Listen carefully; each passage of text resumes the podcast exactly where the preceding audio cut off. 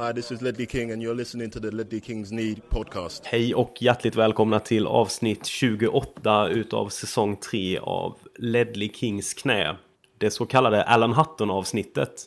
Och eh, kvällens dynamiska duo består av mig, Robert Folin och ingen mindre än våran ålderman, Marcus Håkman. Mm. Eh, Jag sitter i en ny lokal. Jag har förflyttat mig 300 meter från hemmet till jobbet så att säga och spelar in detta. Varför sitter jag på min arbetslokal och spelar in detta? Ett dygn senare än vi skulle spela in också. Eh, ja, vi har ju haft lite tekniska problem, som vanligt kan vi säga. Eh, det har varit mycket emot oss. Mycket ljudproblem och eh, lite andra saker som inte har velat. Men nu sitter vi här och ska prata Alan Hutton i en timme, har vi tänkt.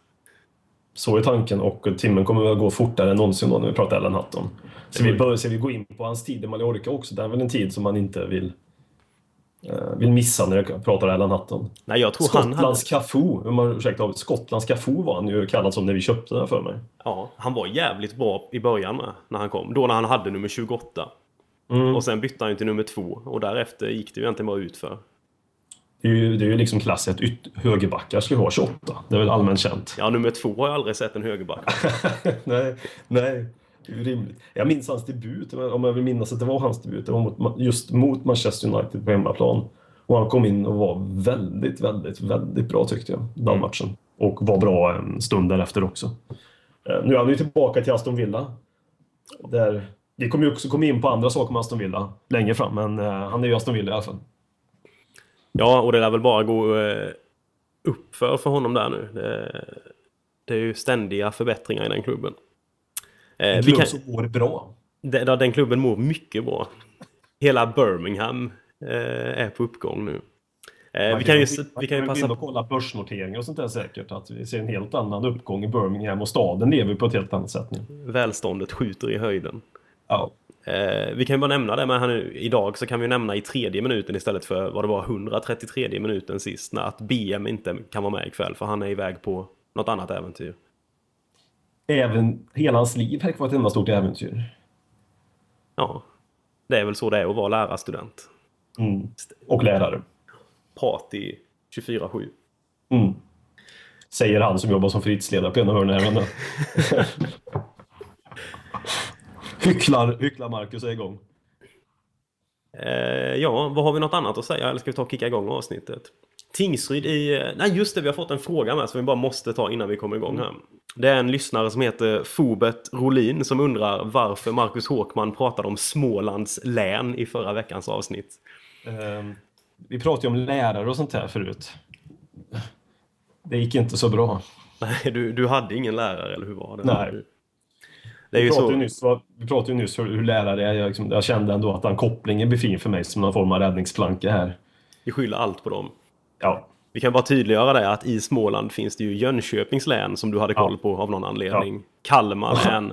Och sen har vi ju Kronobergs län. Och det är ju i Kronoberg, Ikea och Tingsryd och Ursult och alla fina grejer ligger. Så jag... Eh, detta är ju naturligtvis medveten om, men eh, det kan ju det kan ju vara lätt för mig att säga, säga det i efterhand. Men ja, jag, jag ber om ursäkt. Det var ett, ett övertramp. Dags att hämta hem det ännu en gång För jo, du vet ju hur det slutar varje gång vinden vänder om. Det spelar väl ingen roll, håller du finger långt Alla de minne får, de är ett minne blått Det här är ingen plojgrej som rent spontant blir omtalat på något omslag som Heidi Montage. Eller Spencer Pratt, är nog den endaste svenska MC'n som har en känsla för rap. Så hey! släng upp en hand om du känner vad som sägs. Är nu en podcast coming your way med ge femman mannen och bara tryck på play Hey! Hey! Släng upp en hand om du känner vad som sägs Är du en podcast coming your way Så ge mig femman mannen och bara tryck på play Hey!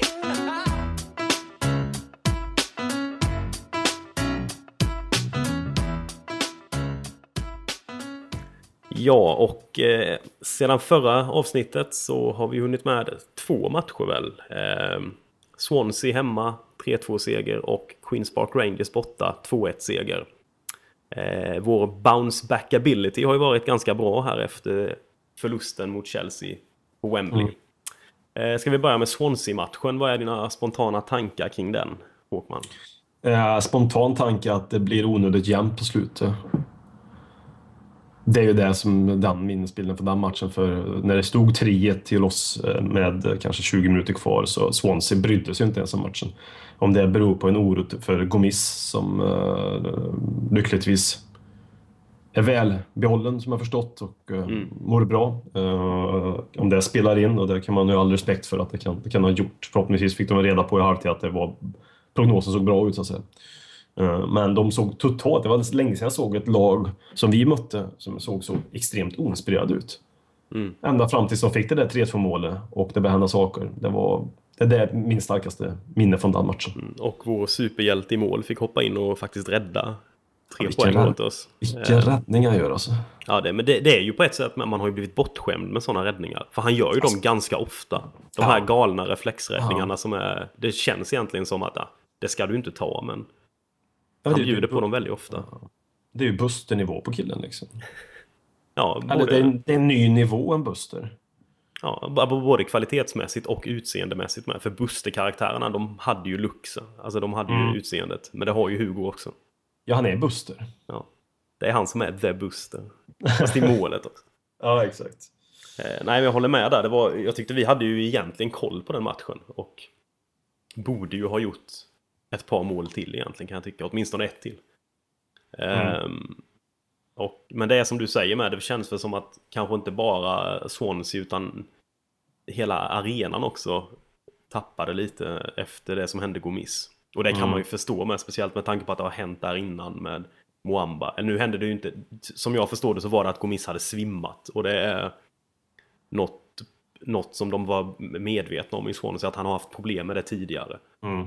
Eh, och det är väl tur det att det inte var något med hjärta eller annat som eh, kan liksom stoppa hans karriär egentligen. Utan han verkar ju må bra. Han är ju tillbaka i träning och allting redan. Så det var...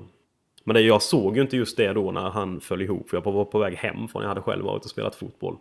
Men det, man fick jävla dåliga känslor alltså av det att det hände igen. Det är jävligt otrevligt. Sånt. Ja, jag var också på väg hem från jobbet så jag missade också själva incidenten och fick en eh, fick den berättad för mig eh, via BM vad som hade hänt och tänkte vad fan. Kände att det blev en, naturligtvis en obehaglig, obehaglig känsla i magen och man tänkte ju på det som hände för två år sedan var det. Mm. Eh, men lyckligtvis är det ju, ja, gick det ju helt, att det var liksom en, han tuppade av helt enkelt. Mm. Vårt fina läkarteam hade ju tydligen varit blixtsnabba in igen och reagerat på det. Det är ju två grabbar man tycker förtjänar alla hyllningar också efter det de gjorde med Moamba. Men även här att de... Det känns tryggt att ha dem på bänken. Eh, nu kan jag inte namnen på dem, det borde man ju lära sig. Ja, det borde man göra. Jag, kan, jag, kan, kommer ihåg, jag, kommer, jag vet hur det ena ser ut, men jag vet inte hur den andra ser ut.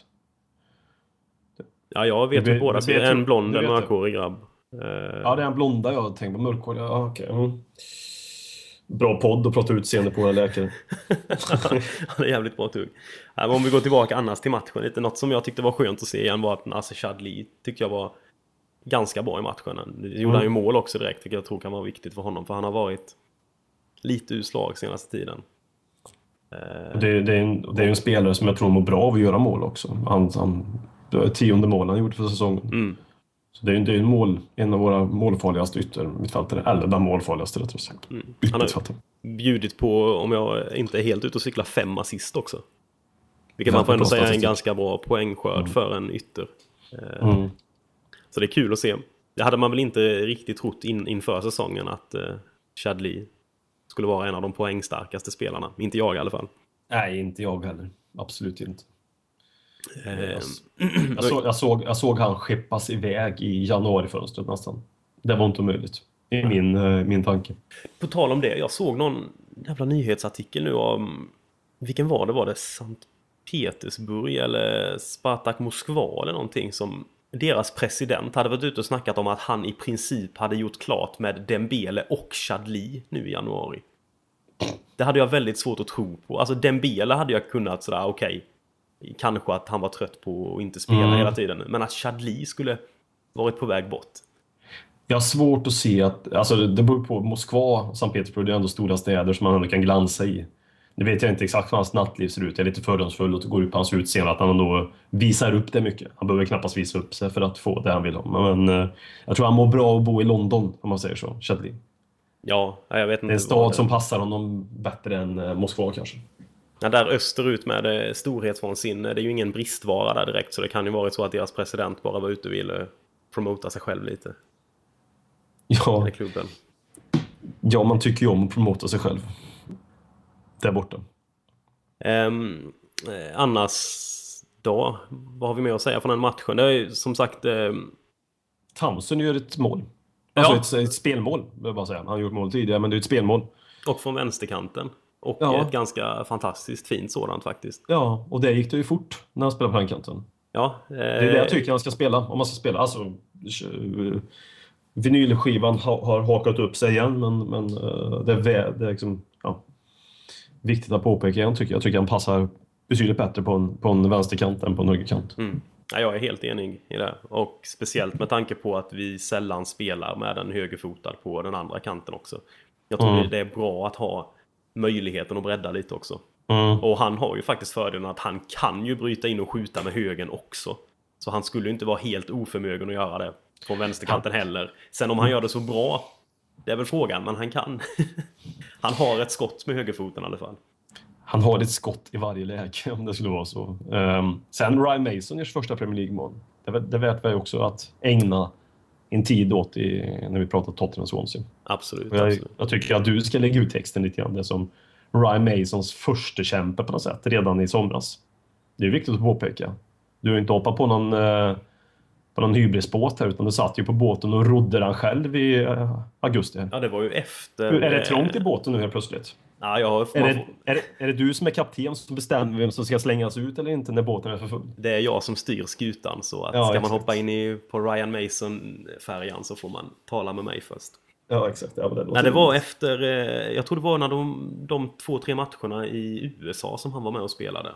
Som jag Mm. bara nämnde att jag tyckte han såg mycket intressantare ut som innermittfältare än vad jag trodde han skulle göra. Mm. Men det var ju knappast så att jag sa att han kommer spela, han kommer vara ordinarie i laget. Vi pratade väl om att han kanske skulle vara femte, sjätte innermitt. Men Men du gjorde en spaning ändå? spaningen var där. Ehm, och det är ju lite kul. Mm. Ehm, och eh, målet tycker jag, det är, det är ju på ett sätt ett ganska typiskt Mason-mål. Han kommer ju springande som en dåre och forcerar upp den i nättaket. Vilket också är Mm. en härlig karaktär att ha. Eh, Och en karaktär jag inte riktigt trodde han hade heller. För jag har alltid, när man har läst om honom och eh, så har man sett honom som en offensiv tia som gör mål och assist hela tiden. Och lite mer kanske än en, en finlirare. Han har ju visat upp en helt annan sida nu. Och det, Mm. det han bidrar med det är ju... Han kickar igång det här pressspelet som vi har haft svårt att få igång på mittfältet tidigare. Som jag har sett det. För vi har ju försökt den här övningen ett tag med att köra ganska hög backlinje. Mm. Har förs- försökt, antar jag, haft någon slags press från mitten. Men det har ofta fallit och då har vi varit sjukt sårbara. Lite som vi kommer komma till sen, Queens Park Rangers var emot oss i den här matchen. Mason är ju en av dem som på till stor del driver igång den här pressen och gör att det spelet vi har nu funkar bättre än vad det gjorde tidigare. Att vi faktiskt har ett mittfält som börjar pressa. Eh, så att vår höga backlinje inte blir riktigt lika exponerad. Ja, men det är, ju- det är ju alldeles riktigt. Alltså han, man kan ju tro att det som är det enklaste i fotboll bland att kämpa är inte alltid är det enklaste. Det är få som har den eh, egenskapen att kunna bedriva den typen av fotboll i 90 minuter. Det är ju ett lagspel och då behövs ju även de. De behövs ju mer än någonting annat ibland kanske, i just här och nu så att säga. Jag måste säga att jag är imponerad av Ryan Mason och jag, han- återigen som jag sa om Chadli, att hans säsong, och det tror jag nog fler än bara jag. Inte för att, ja, det var du som, som jag sa, du satt ju själv i den där båten som alla andra typ trodde. Det kan ju inte vara någon som har trott på Ryan Masons utveckling på detta sättet. Nej, Som han har haft i år. nej. Det, det känns väldigt vackert på alla sätt just för att det är en Tottenham-kille också. Det, är ju, det förstärker ju hela med typ 75 procent. Har den här killen varit, vi har köpt den som 20 år innan han blommar ut nu. Då hade man inte haft, då hade inte man, då hade inte jag haft samma fina känsla kring killen som jag har nu. Nej, och också att han har haft de här motgångarna och problemen. Han har varit väldigt skadebenägen. Eller, haft, eller skadebenägen. Han har, han har drabbats av väldigt mycket skador under Mm. sin, sin ungdom. Och eh, Mm. haft flera chanser att lämna Tottenham men vägrat. Och det gör ju det också bara ännu bättre. Att han har liksom Mm. suttit här tills alltså, som 23-åring och bara, ja, jag tänker inte lämna. Vi har ju en annan som sitter och väntar. Som är 27 år. Vem pratar jag om? Ja, vi måste ju prata om eh, Bongani Komalo, va? Våran, våran eh, El Capitan i U21-laget som hade full koll på eh, Falcao nu i veckan. Ja. Det var väl igår, då när vi satt och försökte spela in podd, så eh, eh, höll Komalo koll på Falcao. Det är ju bra att det ibland inte funkar så kan man ta upp sådana här saker. Eh, En härlig u match Falcao vs Kumali. Det, är det, det var det nog inte heller någon som hade sett komma faktiskt. I höstas. Det är en fantastisk karriär. Vi, vi kanske, han är väl registrerad, så Komali, vi kanske ska in Komali här. Ha honom i bänken och vara beredd om Falcao på något sätt skulle få Dyker upp, spela. ja nu till helgen ja. Mm. Ja det är kanske det hemliga vapnet. Han gör som Jonathan Woodgate, är borta ett och ett halvt år, sen hoppar in mot AC Milan i andra halvlek och dominerar och sen ser vi aldrig mer igen. Lite så Komali. Nu är inte Komali borta på det sättet, man har inte spelat A-lagsfotboll. Så bara dyker han upp och får spela sista 45 och bara plocka ner den som är där uppe i anfallet sen. Ja, ja, hej då. Tror du han tar kaptensbilden från Hugo då? För han är ju kapten i U21-laget också. Han, Rätt ska vara rätt. så Det hade ju varit häftigt. Det hade, det hade ju varit Komali, bara Loris lämnar, lämnar ödmjukt över kaptensbindeln till Komali som bara står där majestätiskt och mottar. Det, det är ju så att Loris får ju ta på Komali kaptensbindeln också. Han bara sträcker ut armen. Sen Ja, det- får Loris att träda på en fint. det första han gör är att springa direkt ner till Hugo och ställer sig bredvid honom med armen utsträckt. Ja, en idiotlöpning helt enkelt. Och sen går han därifrån. Ja. Ja, det All respekt till Komali. absolut. Det är ju, det är, ju- det är, ju, det är ju med sorg vi säger att hans kontrakt går ut, men det är ju naturligtvis så, så tror vi ju att det kontraktet kommer ju naturligtvis förlängas. Ja, jag skulle tro det är så att han har ett ständigt förnyande. Efter varje säsong så är det plus ett hela tiden så länge... Han får avgöra själv bara Ja. helt enkelt om han vill förlänga eller inte. Ja, ja det, det är vackert. Eh, sista grej om Swansea med... Vår gamle vän Sigurdsson gjorde ju mål mot oss. Mm. Med, och bjöd på väldigt eh, begränsat firande också. Det gillar vi. Ja. Vi hade ju två sådana, ska det vara övergången kanske till Queens Park Rangers, att vi hade en målskytt i den matchen som inte firade en av våra gamla spelare. Och lika som Ja. i Queens Park Rangers där Sandro gjorde mål, eh, reduceringsmålet till 1-2. Och också firade väldigt, eh, ja, han firade knappt. Han gjorde något korstecken och sen high-fivade någon av sina lagkamrater som kom fram, men det var väl på den nivån ungefär. Han bad om ursäkt som jag tolkar det. Han bad Herren om, om förlåtelse. Om förlåtelse. Ja. Han förstod med en gång att nu har jag syndat. det här var inte bra. Nej. Det var en fin behärskad bredsida. Ja, det var det faktiskt. Den var väl placerad. Kändes väldigt osandro. Och liksom behärskad bredsida. Sätta in den där borta. Ja, väldigt, väldigt. Det är inte det man har, det man associerar med honom direkt. Nej. De gångerna han väl gjorde mål för Tottenham så var det väl ofta kanonskott från en ganska bra bit ut över krysset. Mm. Han gjorde ju något mot Chelsea minns jag på Stamford Bridge va? Ja. Som var en riktig jävla strut. Och den han skulle springa ut och fi, fira med Redknapp och Redknapp bara skäller ut honom för att han inte har tagit någon markering rätt eller vad det är. Ja, och Sandro ser helt förvånad ut. Taktiker. Rednap. Han, är- han är direkt inne i det taktiska spelet. Vi styr dem rätt. Inga känslor där inte. Nej, nej, nej. nej. Det är bara taktik 24-7. Ja, ja. Det är ungefär som när eh, Kabul avgör borta mot eh, Arsenal. Den här fantastiska vändningen som vi var med om där. Är det då Kabul eller van der Waart som ska fira med Rednap och han styr bort den fort som fan? Ja, jo det stämmer. Då har ju van der Waart ett gult kort så han inser ju också det. där. Han är hela tiden med. Han är steget före herr Rednap. Det är det. Gamle Harry alltså. Mm. Han var ju inte, han var ju tyvärr inte kvar i Queens Park Rangers nu utan det var ju eller, en annan eh, Tottenham-föredetting. Det är ju i princip hela Queens Park Rangers är ju gamla Tottenham-spelare på något sätt. Eller ja, sportchefen är ju vår gamle Les Ferdinand.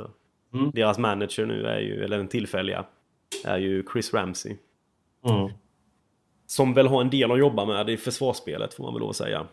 Det är Rio Ferdinand och eh, Steven Corker det känns inte som en klockren kombination. Jag kommer inte ha så mycket att säga just det här. Jag kan ju bara säga vad jag tycker om det som jag inte såg matchen. Jag bara sett highlights. Jag såg annan match. Jag behöver inte nämna vilken, det kanske en del vet. Men, eh, men det känns väl spontant utan att ha sett Rio för den här matchen. Jag har sett den tidigare i Queens Park Rangers. Så herre jävla gud. En del säger det här att konsten att lägga av i tid. Den har inte Rio Ferdinand behärskat så väl. Konsten att lägga av i tid. Nej, det har han eh, verkligen inte gjort. Det var en väldigt fin mittback. Han och Vidic ihop då när United var som bäst. Det är bland det bästa mittbackspar jag har sett på kanske 10 Ja, år, men de var 15 ju år. De, ja, det var fantastiskt bra alltså. Men du som såg matchen, eh, vad, vad, eh, jag har ju bara sett målen och ja, det finns ju en kille som gjort två mål för oss som är nu uppe i 16 i ligan och 26 totalt va? The Harry Kane. Ja, eh, ärligt talat så i första halvleken så var jag ganska förvånad att vi tog ledningen. För initiellt så hade vi, började vi väl ganska okej. Vi höll i bollen och, och försökte anfalla. Men sen fick Queens Park Rangers ett gäng chanser och det kändes som att de var på väg att ta över matchen. Austin har ju ett skott i ribban eller vad det är. Och Ja, de har flera chanser egentligen när de kanske borde ha gjort mål. Eller där ett bättre lag antagligen hade utnyttjat de chanserna bättre. Mm, så brukar det oftast vara tror jag. Men sen på en fast situation så kliver han ju fram våran eh, David Beckham, Andros Townsend och eh, Mm. slår in den till Harry Kane som kommer eh, dykande och nickar in bollen. När en Rob Green är helt fel ute på den frisparken och försöker... Det är inte Men första gången Rob, Free, Rob, Rob, ursäkta, det är inte första gången Green är fel ute kan jag säga. Det, Nej, det är lika ofta som han är fel ute är Kane rätt ute. mm. Ehm, och eh, nej, men sen efter det målet känner man väl ändå att ja, visst, Queens Park Rangers är fortfarande inte ofarliga men vi håller ju ut i halvtid och sen efter eh, i andra halvlek tycker jag vi är, där, där märker man att det är klasskillnad på, på lagen och att vi faktiskt är ett lag också. Ehm, och det är, vid 2-0 målet så ser man, det är Mason slår ju en fin fin genomskärare till Kane som både passen och löpningen är ju perfekt eh, tajmade. Eh, men eh, om man, Mason står med solen i ögonen, hinner stanna med bollen, titta upp, hålla upp handen för att inte få solen i ögonen och slå genomskäraren. Kan du stå så på mittplan som eh, inne mittfältare utan att få någon press på dig, då är det något i motståndarlaget som är fel. Eller så är det ju det här klassiska. Genier ser alltid ut att ha mer tid med bollen. Ja, genier ser alltid ut att ha 10 sekunder på sig att slå en Ja. passning. Det, Så, ja, så är det kanske. ja, Mason rör sig mycket fortare än alla andra. exakt så. Nej, för det är ju ett... Eh, Queens Park Rangers är fan inget bra fotbollslag. Det får man lov att säga. Ehm, Chris Park Rangers känns ju, återigen jag kan inte referera till allt annat sett med Chris Park Rangers också, det känns lite grann som, som en sämre kopia av oss i höstas. När det fanns en del duktiga namn på papper, för rent namnmässigt så tycker jag att de var ett hyfsat lag. eh, Mm. eh, men det, de får inte funka för att de inte riktigt har den rätta... Ja, de brinner inte tillräckligt känns det som. nej, absolut. De saknar Det känns dem. Nej, kör du. Det känns som att man kanske förenklar när man säger att det inte brinner tillräckligt och det är enda lösningen till problemet. Det tror jag verkligen inte, men jag tror verkligen det spelar roll. Speciellt när du är i de där regionerna där nere att du... Ja. Man får göra det skitjobbet. För alltså, som sagt, har man en spelare som Charlie Austin som ändå har gjort 15 mål, en enskild spelare, då kan man väl ändå hoppas att man borde kunna ligga bättre till. Man borde ha andra spelare som kunde ha gjort några fler mål om man skulle ha tagit lite mer poäng. Men det är ju som du säger, det är det som jag också har tyckt i mål. Men har man, en, har man liksom mittbackar, två utav tre eller fyra mittbackar heter Richard Dunn, som nu är skadad av visserligen säsongen ut, och Rio Ferdinand. Mm. De är ju födda på det fantastiska 70-talet visserligen och det säger väl en del om en, att saker och ting går ut för, för oss som är födda på 70-talet. P- Eran peak har varit. ja, precis. Tyvärr är det så. Det är Buffon vi får lita på fortfarande. Sen är det kört. Ja, han kommer nog kunna stå ett tag till. Eh, Mm. Nej, men det är det på pappret. Visst har de ju ett, ett, ett helt okej lag som jag tycker borde kunna hänga kvar. Men det är uppenbart Mm. att det inte funkar riktigt. Och, nej, det är ett katastrofbygge helt enkelt med alla de pengarna de har haft också. För de har ju faktiskt ganska mycket resurser och Ja, ja, ja. Har ju lagt ut Den röda, pengar. ja, det finns ju ingen röd tråd. Det fin- den enda röda tråden är att det ska inte vara någon röd tråd. Så på så sätt finns det en röd tråd. Att vara ständigt ogenomtänkta och sakna Ja, plan, precis. det är den röda Ja. tråden. Ja. Ehm, Men ändå så är det ju lite oroväckande tycker jag att vi i båda de här matcherna gör det betydligt eh, svårare än vad det borde vara. Vi har fått in några frågor också här från bland annat Christian Andersen och Niklas Karls Larsson som eh, frågar om lite om mittbacka och vårt försvar. Och undrar Mm. lite vad klassen är på dem. För vi har ju en tendens också att vi har vunnit många matcher med 2-1. Och det känns som att vi har lett, lett ganska många av de matcherna också med 2-0. Mm. Finns en del av dem har ju varit vändningar. Antingen, Exakt, det är ganska... det är Ja, antingen eller. ja precis så är det ju. Det... Nej, men alltså, jag, tror, jag tror delvis att vi har en ganska ung trupp. Sen har vi några stöttespelare där som kanske borde. Men jag tror en sån som Dyer, allting talar för han framtiden att han ska bli, med rätt gärning, bli bättre och bättre. Från månad till månad nästan, så länge han får skadefri och får spela. Det, det, den känns ju ganska given tycker jag här på förhand. Uh, Fertongen tycker jag också tagit några steg. Så det, vi har ju spelat så ofantligt mycket matcher alltså. Jag tror att det spelar in om man vara riktigt ärlig. Sen eh, spelar vi kanske en viss typ av fotboll som gör att vi blir lite mer sårbara bakåt eftersom vi har en rätt hög press och då blir mitt- mittbacken ibland lite utlämnade. Och då, det tror jag också kan spela in. Så, um, alltså det går inte båda ha... Det, alltså, man, det är som om du har en 100% skala och så tar man lite från det ena så tappar man lite på det andra så att säga. Så jag tror, jag tror mer på det, plus att vi har spelat ofantligt mycket matcher. Och sen nu, nu på sista tiden, trots att vi spelade rätt tätt, har vi knappt roterat någonting.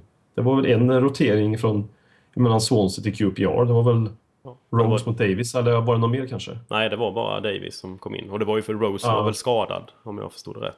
Det var ingen petning, Ja, utan det var en, en skada på honom. Nej, och det förvånar mig också lite, men det, det är en annan. Men jag tror sånt kan spela in. Jag vet inte vad du har för tankar och teorier kring. Jo, jag tror också, för just eftersom vi har egentligen, det är ju Mason och Bentaleb som ska hålla inne i mittfältet. Och båda de är ju ganska glada i att pressa på. Det är väl Bentaleb kanske lite, lite som kan hålla igen då och då försöka täcka upp bakom Mason. Men det är ju det att gör man bort en av de två eller båda så är det ju väldigt, väldigt öppet bakom dem. Och det gör man kanske lättare med när båda två är ganska glada i att försöka hålla uppe den höga pressen och har väl fått eh, order om att göra det också.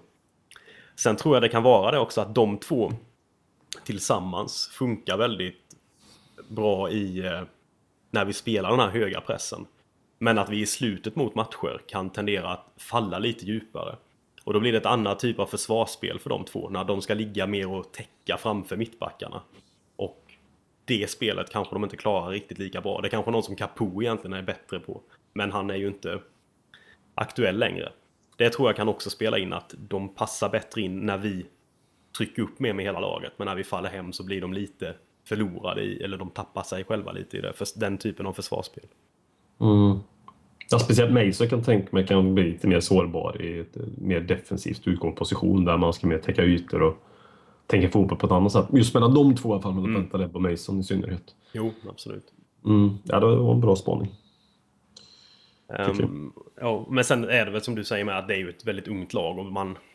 Och med- gällande mittbackarna med så tycker jag, jag tycker ju Fertongen och Dyer är värda att satsa på. Jag tycker man ser väldigt mycket råpotential i Dyer. Mm. Ehm, och med tanke på hans ålder, man glömmer ju det ibland att han är Han har precis fyllt 21 eller vad det är. Och det är hans första säsong i Premier League. Med tanke på det så tycker jag han gör det oerhört bra som mittback. Eh, Ja. Och han och Fertongen med känns som en... Det, det blir en tydlig ledare där med i att Fertongen är så mycket äldre och har spelat på den här nivån så länge också. Att när de två är tillsammans så tror jag eh, det finns en tydlig ledarroll och det finns och att Dyer liksom underkastar sig Fertongen lite om man säger så och låter honom styra backlinjen. Jag tror det kan bli väldigt bra. Faktiskt. Sen tror jag vi också vi behöver ju ha in någon mer mittback som håller hög kvalitet men eh, som slags tredje alternativ där. Jag vet inte om Fazio egentligen är. Man får väl ge honom någon säsong till. Han är väl helt duglig som backup men som första val vet jag inte riktigt. Nej, det är väl tveksamt. Det, är väl, det hänger väl upp på vad Fazio vill. Ja, Helt enkelt känns det som. Alltså om han accepterar en sån roll och kan ta på ett rätt sätt så, så kan jag tänka mig att Fazio kan vara en bra kille i truppen. Jag tror han har. Men det- Alltså det är bara en känsla jag får bara för att han är aggressiv, att han skulle vara en vinnarskalle. Det är ju att förenkla ordet vinnarskalle också, men det är väl inte... Det är väl upp till honom, men jag kan väl, tänka, jag kan väl tro att en sån som Fazio kanske snart är tillbaka i La Liga. Eller något spansktalande land så att säga, spelar fotboll. Det skulle inte få honom. nej det är kanske inte omöjligt. Mm. Men eh, ja, ska vi låta det runda av den här delen av Sex idag? poängen då. Ja, det är Och jag är nöjd med. väldigt nöjda med. Eh, Och speciellt efter det med, med tanke på den tunga veckan vi hade innan där. Mm. Kryss mot West Ham och ut ur Europa League och förlora en final. Så det är ganska bra att eh, det, det yngsta laget i Premier League lyckas komma tillbaka så bra det säger ju återigen det man har fått bevisat under säsongen, eller inte under säsongen, sen november, att det här laget har skall alltså. För det är väldigt lätt, och man har ju sett många gånger tidigare lag som har varit i olika cupfinaler, om inte laget har detta Chelsea som trummar på en annat eh, naturligt, eh, supernaturligt topplag, att säsongerna kan rasa. Jag minns ju det året vi vann ligacupen, hur vi, hur vi rasade ihop. Då vann vi visserligen, men, men ja, det har ju hänt andra lag tidigare än oss. Alltså. Ja, det var absolut. Nej, det Så det är imponerande. Absolut, det är väldigt imponerande. Mm. Talkman show, Talkman show, Talkman, Talkman, Talkman show.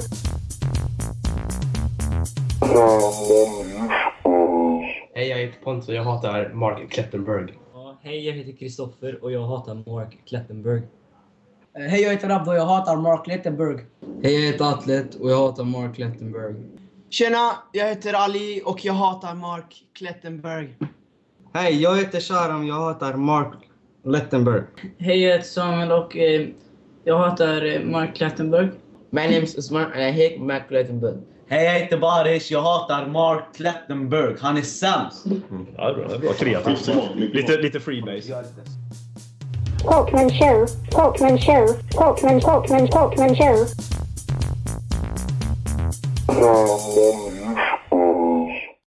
Ja, efter den eh, något speciella Hawkman Show får vi väl säga. Så är det dags att prata Manchester United. Eh, tar du övergången här Hawkman från vad det nu var vi lyssnade på till Manchester United och förklara vad det är som, vad det är som hände i Hawkman Show egentligen? Hej, jag heter Marcus och jag hatar Mark Lettenberg. Eh, Det är ju så här att det var ju en- den här domaren som dömde den matchen vi vann med 1-0 mot Manchester United. Eh, Var det 2005? 2004? Någonstans där omkring. Ingen av oss är en Björn Hellbergs, typ, känns det som du inte har det på huvudet. Men eh, då vi hade en boll inne, när, vi, när han sköt från halva planen, men så bollen var väl inne en meter, en halv meter i alla fall. Väldigt, väldigt tydligt och den blev inte dömd som inne. Och domaren i den matchen var Mark Klettenberg.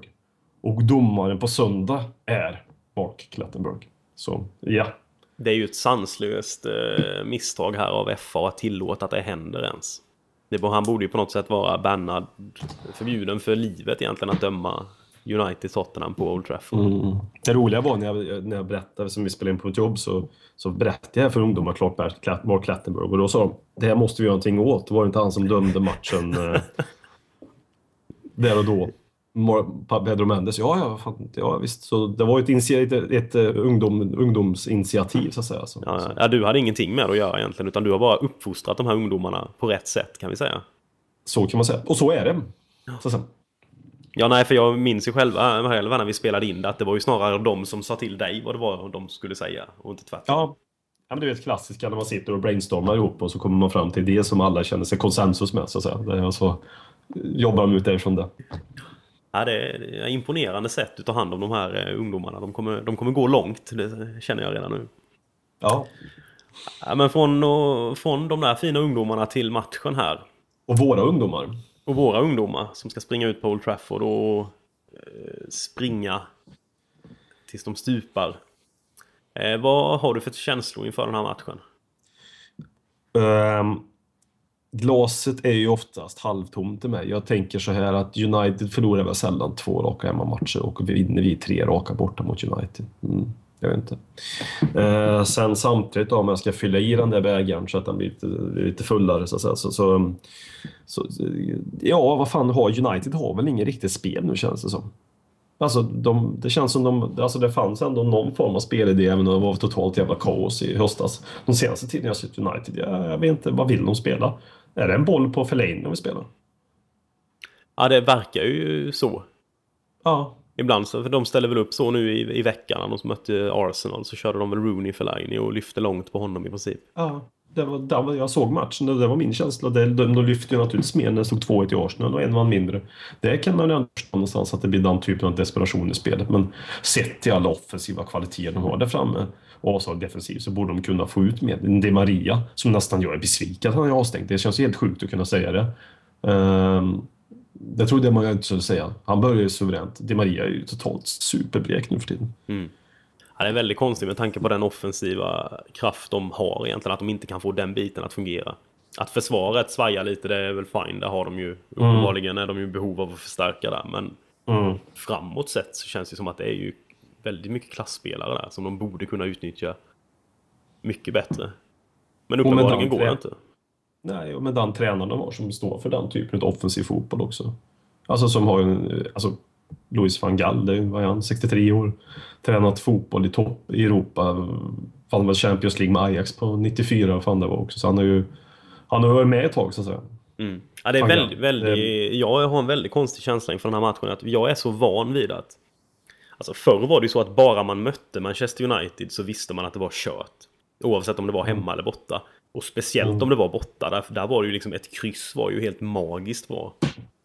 Men nu har man ju Mm. egentligen alltså från under de senaste säsongerna så har ju det verkligen ändrats. Som att, det känns som att vi kan ju åka dit och vinna.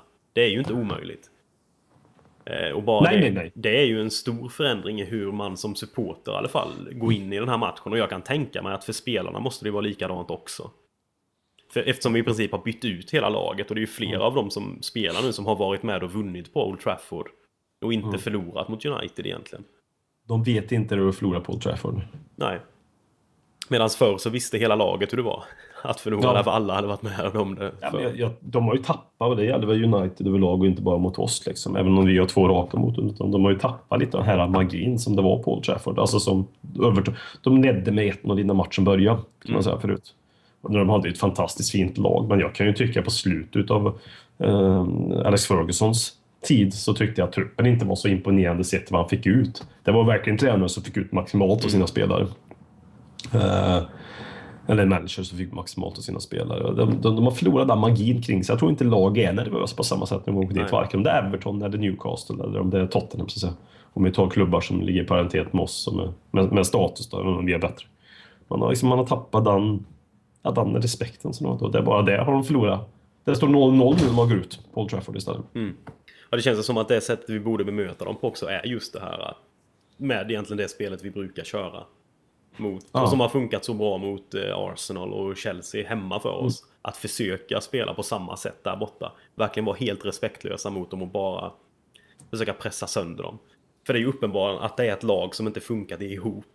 Och om man då möter ja. något som vi har börjat bli ett lag som verkligen funkar tillsammans, då måste vi ju trycka på det. Och verkligen sätta dem i skakning med en gång. Och spela den fotbollen vi spelar. När vi spelar som bäst så spelar vi ju just den typen av fotboll. Man ska ju liksom inte ändra någonting som ändå funkar rätt bra. Även om våra två senaste matcher kanske inte har varit två superbra genomförda matcher så vinner vi ändå. Det är också en styrka.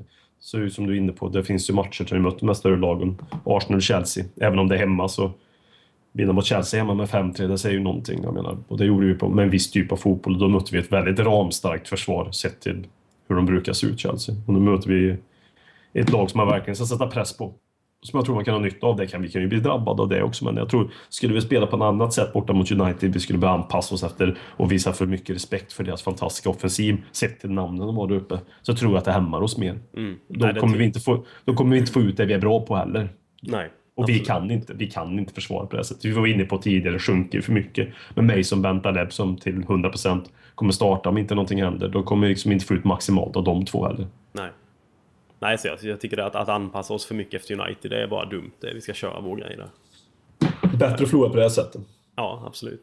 Och eh, matchen är ju väldigt viktig med för, tabell, för tabellen. Vi är väl tre poäng bakom United. Eh, Mm. Så vinner vi här så är vi ju i kapp. Så är det. Och på Och alla... vi om- Ja, då är vi i högsta grad inblandade i den här berömda topp 4-striden. Det trodde man ju inte att vi skulle vara med. Och alltså, denna säsongen, det var inga tankar jag hade. Och det, nu, det är ingenting jag kräver i år heller på något sätt. Men det är ju ändå skojat när vi åkte ur kuppen och inte har någon cup kvar att ligan gäller någonting ändå. Inte bara är att vi inte är Newcastle där så att säga. Mm. Med en tionde plats. En kronisk tionde plats Som vi hade på 90, eller på en sväng vi också naturligtvis. Men Vi kan ju plocka in där, vi har fått ett par frågor faktiskt då. eh, Mm. Och eh, kommentarer om just det att eh, dels från Simon Finne som skriver att om det är någon Tottenham-trupp som ska klara av en topp 4-placering så är det ju denna. Eh, han skriver där att eh, vi är stora underdogs och stora delar av truppen skulle offra sin högra pungkula för att nå Champions League. Mm. Det ligger ju lite i det att det finns väl egentligen inga som räknar med att vi ska ta det. När man hör eh, olika så expertstudios resonera kring det så säger de väl egentligen kanske med all rätt att nej, Tottenham kommer inte sluta där uppe. Bosse Pettersson och Robbie Savage. Dessa, på tal om genier eller vad det var. Ehm, så, eh, men det finns ju ändå något i det att vi är underdogs och som Simon säger, det finns ju väldigt många spelare i laget som verkligen skulle, ja, skulle ge sin högra pungkula för Tottenham. Och det är väl det som talar för oss egentligen. Det är ju också Egentligen därför- Ja, Det är också därför man älskar detta laget mer än många andra upp, alltså upp, årvin, eller vad säger man? Årgångar säger man. Årvin nu. Nu är klockan 22.12 årgångar av Tottenham, så att säga. För man vet att de skulle offra den högra pungkulan. Mm.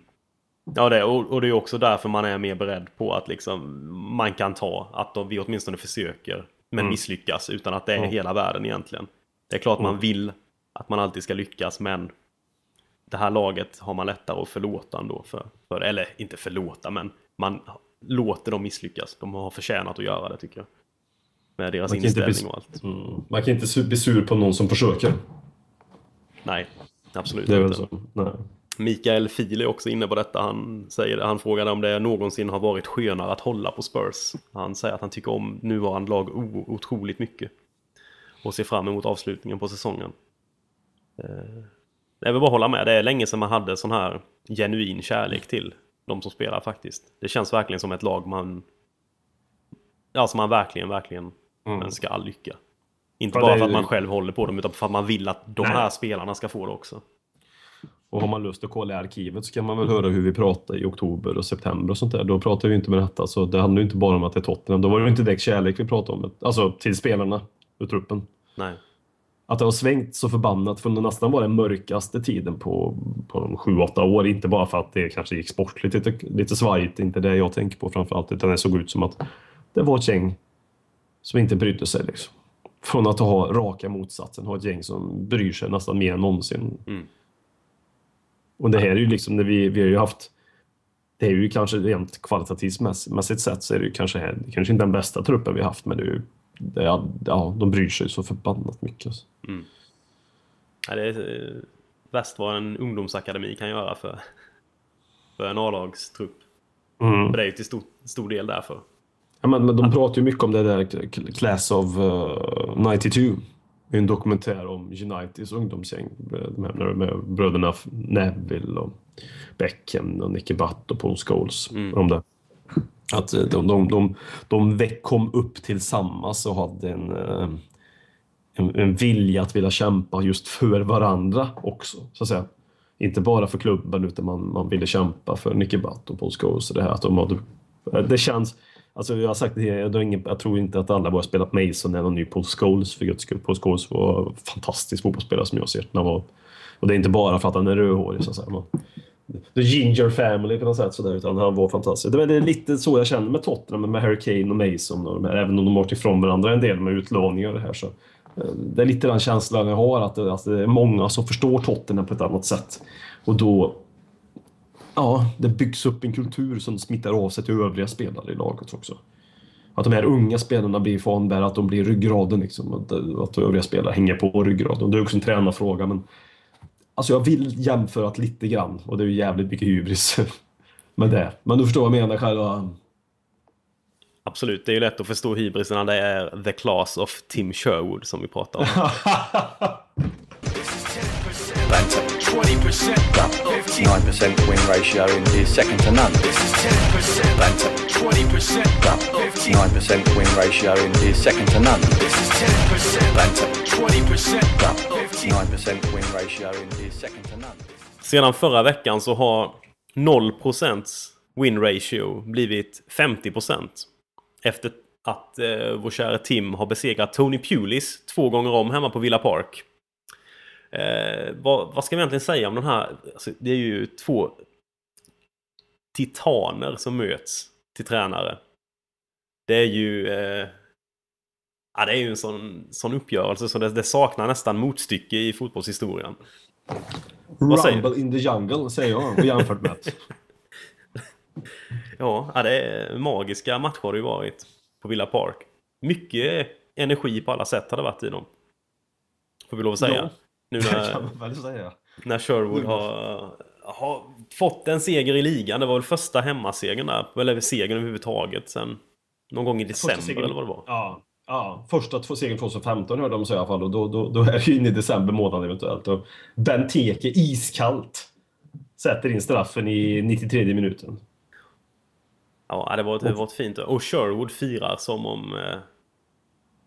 Som om Champions League-bucklan är hemma redan. Han känner ju det nu. Han har det på känn. Men man känner ju också, man känner ju för honom att han, att han, att han eh, jag blir ju liksom provocerad av folk som gnäller på hans, på hans firande som det skulle komma som en överraskning. Det där är ju Tim Sherwood. Skulle inte han fira och vara på det sättet energiskt, då, då är det ju inte Tim Sherwood längre. Nej, och det är väl det han försöker få igång där lite med. För publiken på Villa Park har ju varit... Den har ju inte varit bra. Nej. Jo, den har ju... Du, och det är ju skönt att du liksom lägger tyngd på varit. Nej, för nu är det ju, nu har det ju svängt. Det är ju Ja. uppenbart efter fa Cup-matchen här när de besegrade West Brom med 2-0 och eh, fansen stormade planen. Mm. Och biter Fabian Delf i örat till och med. Jag menar, Eller han blir biten, jag vet inte om det var örat. Fabian Delf själv sa det. En av målskyttarna. Han och Scott Sinclair. Eh, som gjorde målen. Nej, det var, det var passion. På, men det där har ju också media försökt vinkla om att det skulle vara. Men det, han är ju... Media vill ju, vill ju åt Tim Sherwood. ja, så är det ju. Det, Så är det. De stryker ju inte honom medhårs direkt. He's no fucking Vias Boas. Nej, Nej. så är det ju inte. Nej, men jag håller med dig där. Jag tycker det är lite märkligt att det hade ju nästan varit ohyfsat kan jag tycka om man inte hade firat, alltså att en tre månaders segerlös svit blev Mm. eh, eh, omintetgjord. Liksom det, Mm. det måste man ju visa lite känslor för i alla fall. Och sen, och så får vin, vinna mot rivalen två gånger och nu är det en semifinal också. Ja, och vilket gör att han är ju vårt hopp i FA-cupen nu. Kapten Mm. Tim. General Kim, kapten Kim, också som vi nu också kallar honom. The Last Hope. Ja, precis. Eh, nej, men det är ju han som står där och ska lägga krokben på Wenger. Hur, hur vackert vore det? Vi, vi avslutar fotbollsåret i England. Vi går in och ska gå in på Wembley och det är Sherwood versus Wenger. Och om vi får som vi vill eller vi får som eh, alla bookmakers kommer trippa och allting, att Sherwood tar hem det här. Ja, det hade ju varit... vi pratar ju om en kille som ändå satt Chadli och Paulinho som innermittfältare. Det är ju en grabb som har koll på saker och ting. Så... Nej, men på, på riktigt så har han nog chans. Ja, det är, alltså, det är väl klart. Det är ju en semifinal bara som står emellan Mm. Honom och, och final på Wembley. Mm. Eh, och det hoppas man ju absolut på. För det vore ju för jävligt om Arsenal lyckades plocka den två säsonger på raken. Ja, fy fan. Men nu står han där. Jag sitter här och tänker på det är väl Luke Skywalker i Star Wars. En, A New Hope är väl första filmen där som refererar till honom. Det är ju Sherwood, det är vårt nya hopp här nu. Mm. Det såg mörkt ut länge men fram klev han. kommer han från eh, och, lyser, alltså, och lyser upp. Nej, ja, nej, det har varit en fin, fin vecka för Tim Sherwood sen vi senast spelade in veckans Sherwood. Mm. Han är Eh, uppe på procent som han, eh, som han är van vid med Tim Sherwood.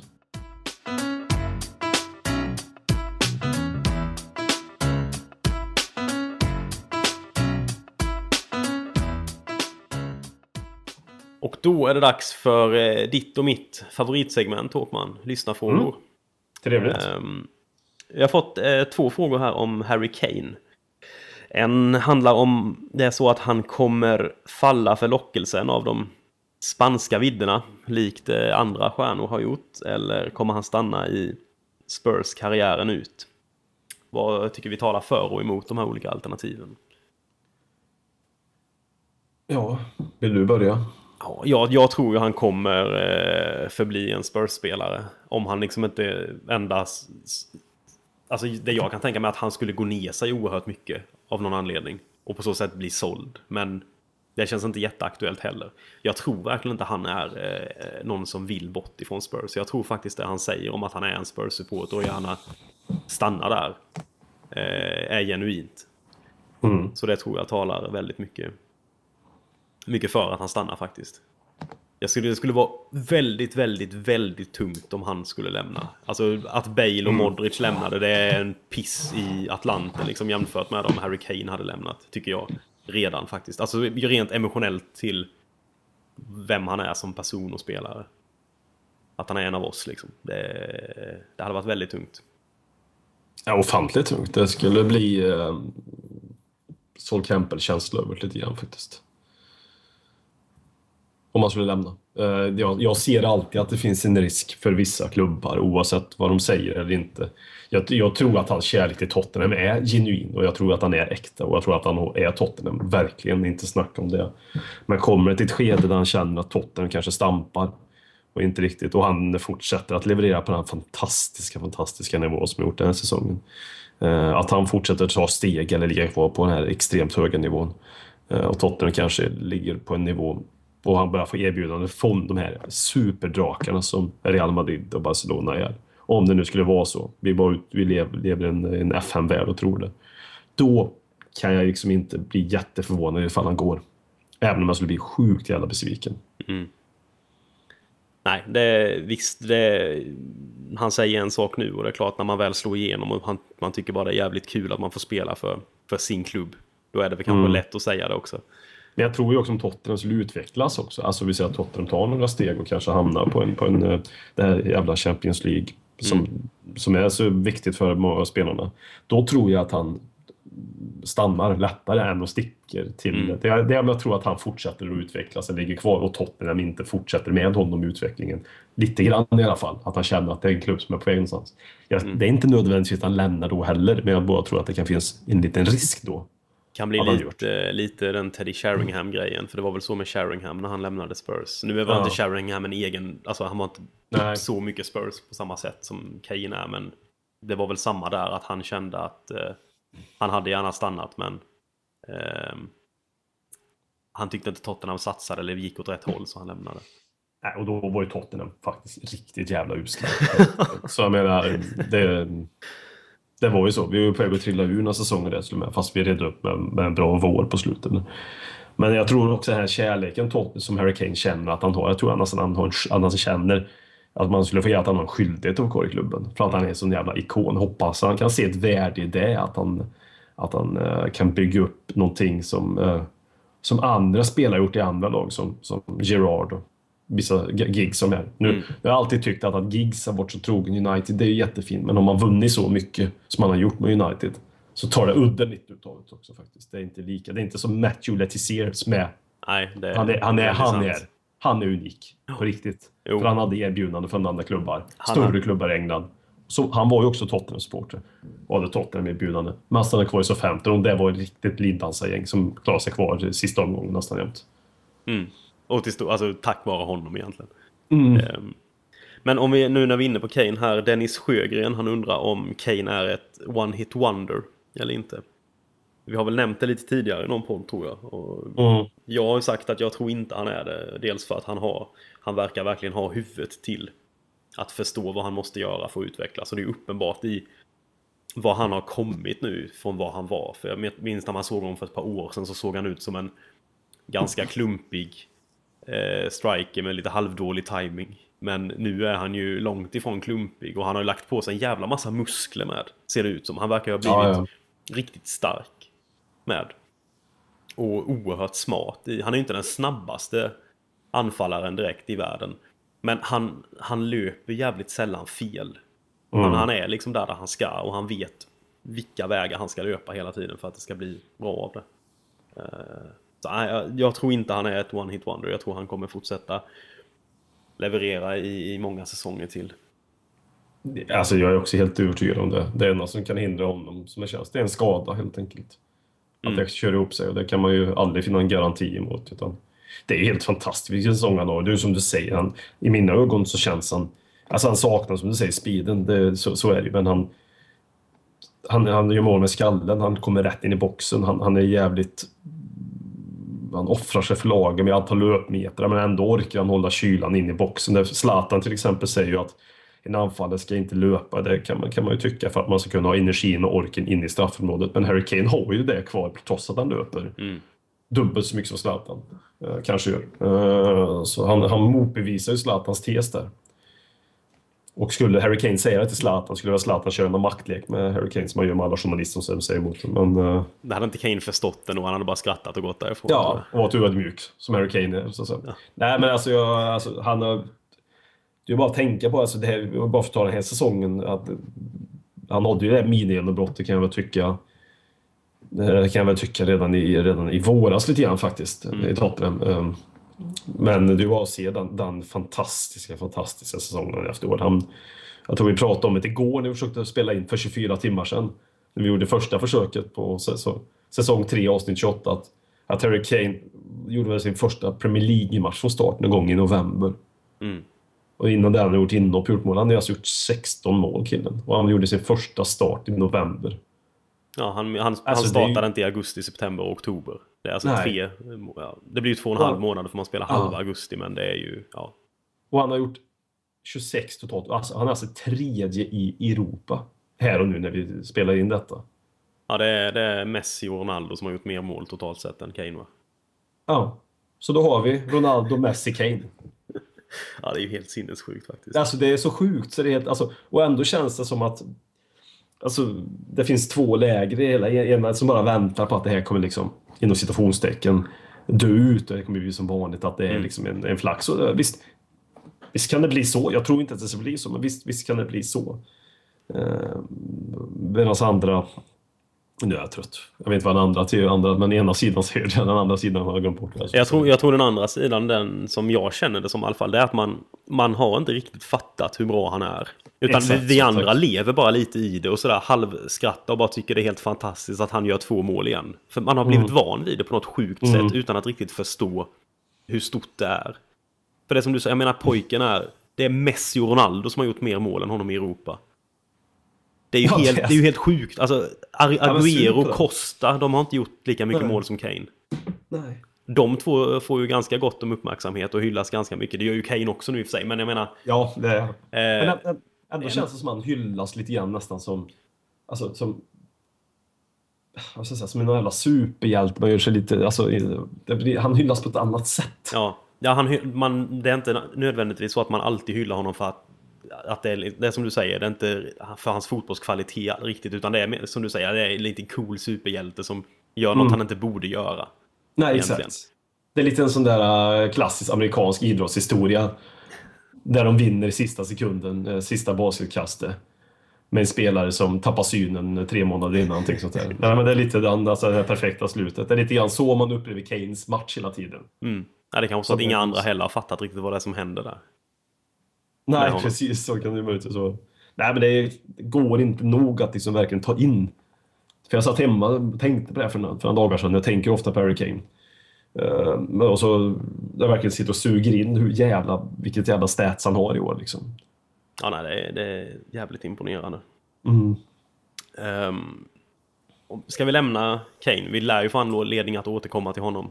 Så Eh, är fallet. Och gå in lite, vi har fått flera frågor som handlar om eh, vad är det egentligen vi behöver nästa säsong? Är det några som kommer sticka? Eh, Lamelas vara eller icke vara efter säsongen?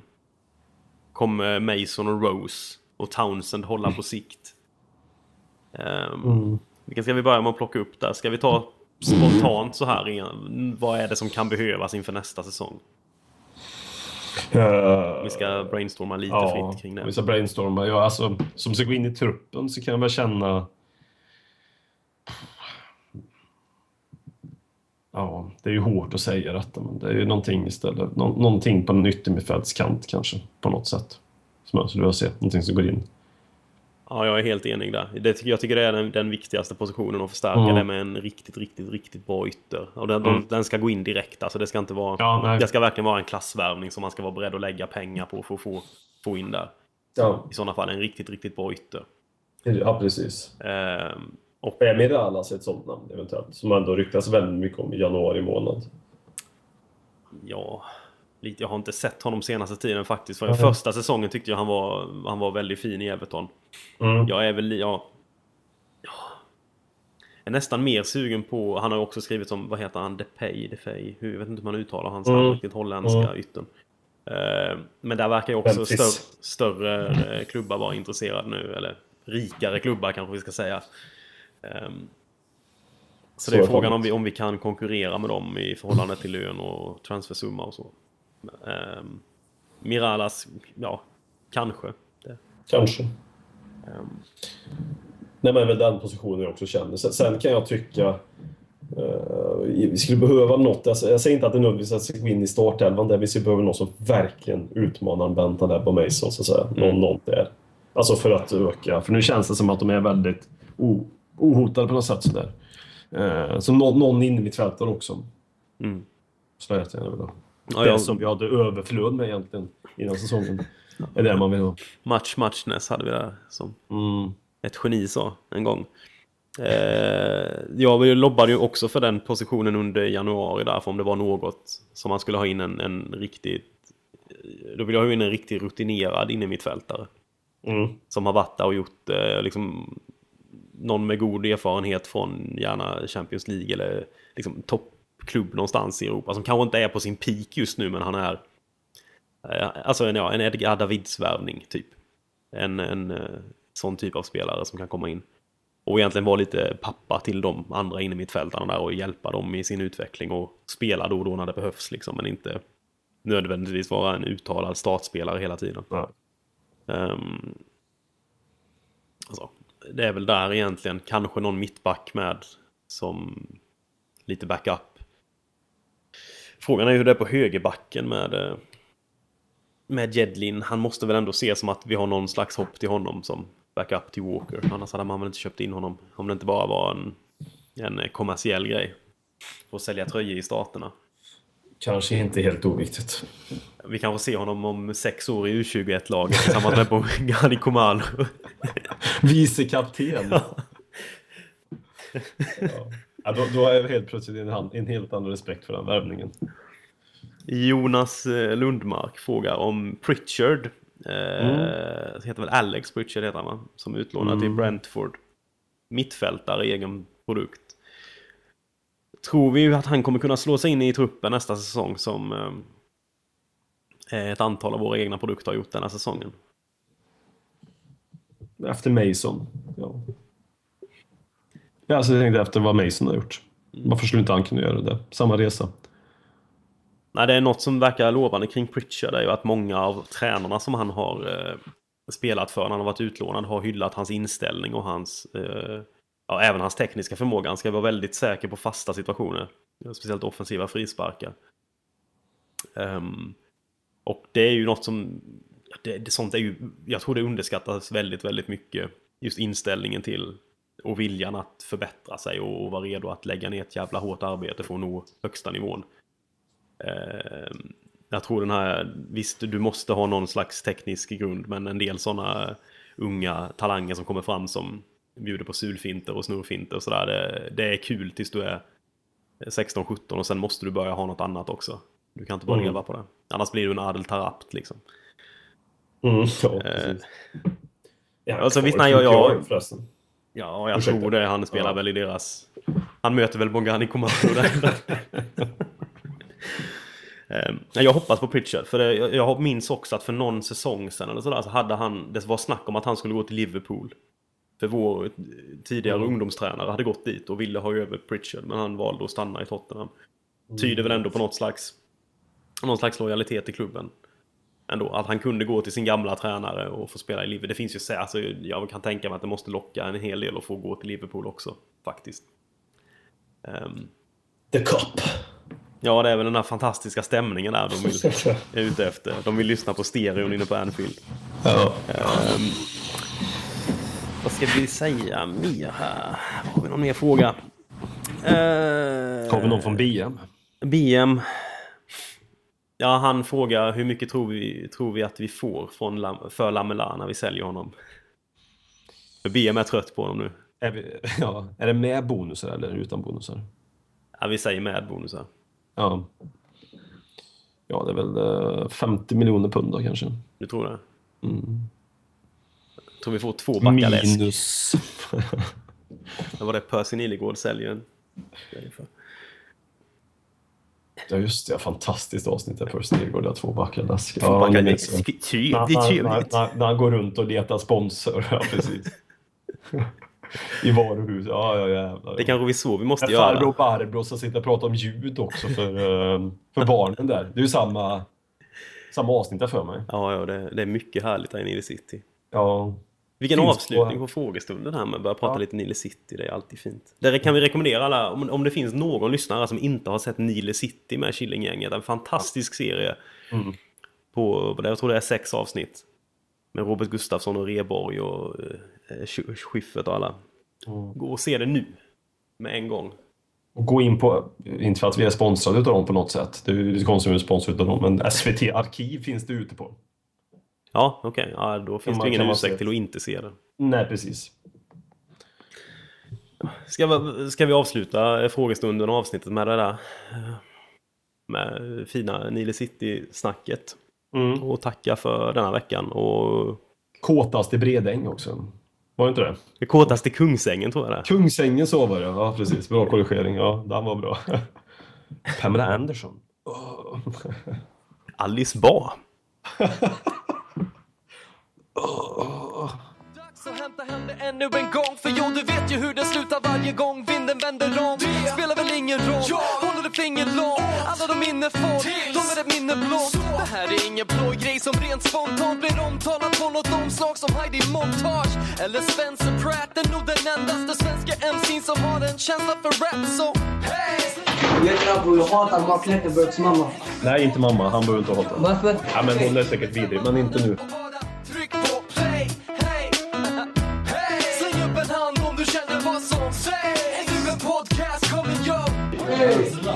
Hej, jag heter Sharan och jag hatar Mark Lettenberg.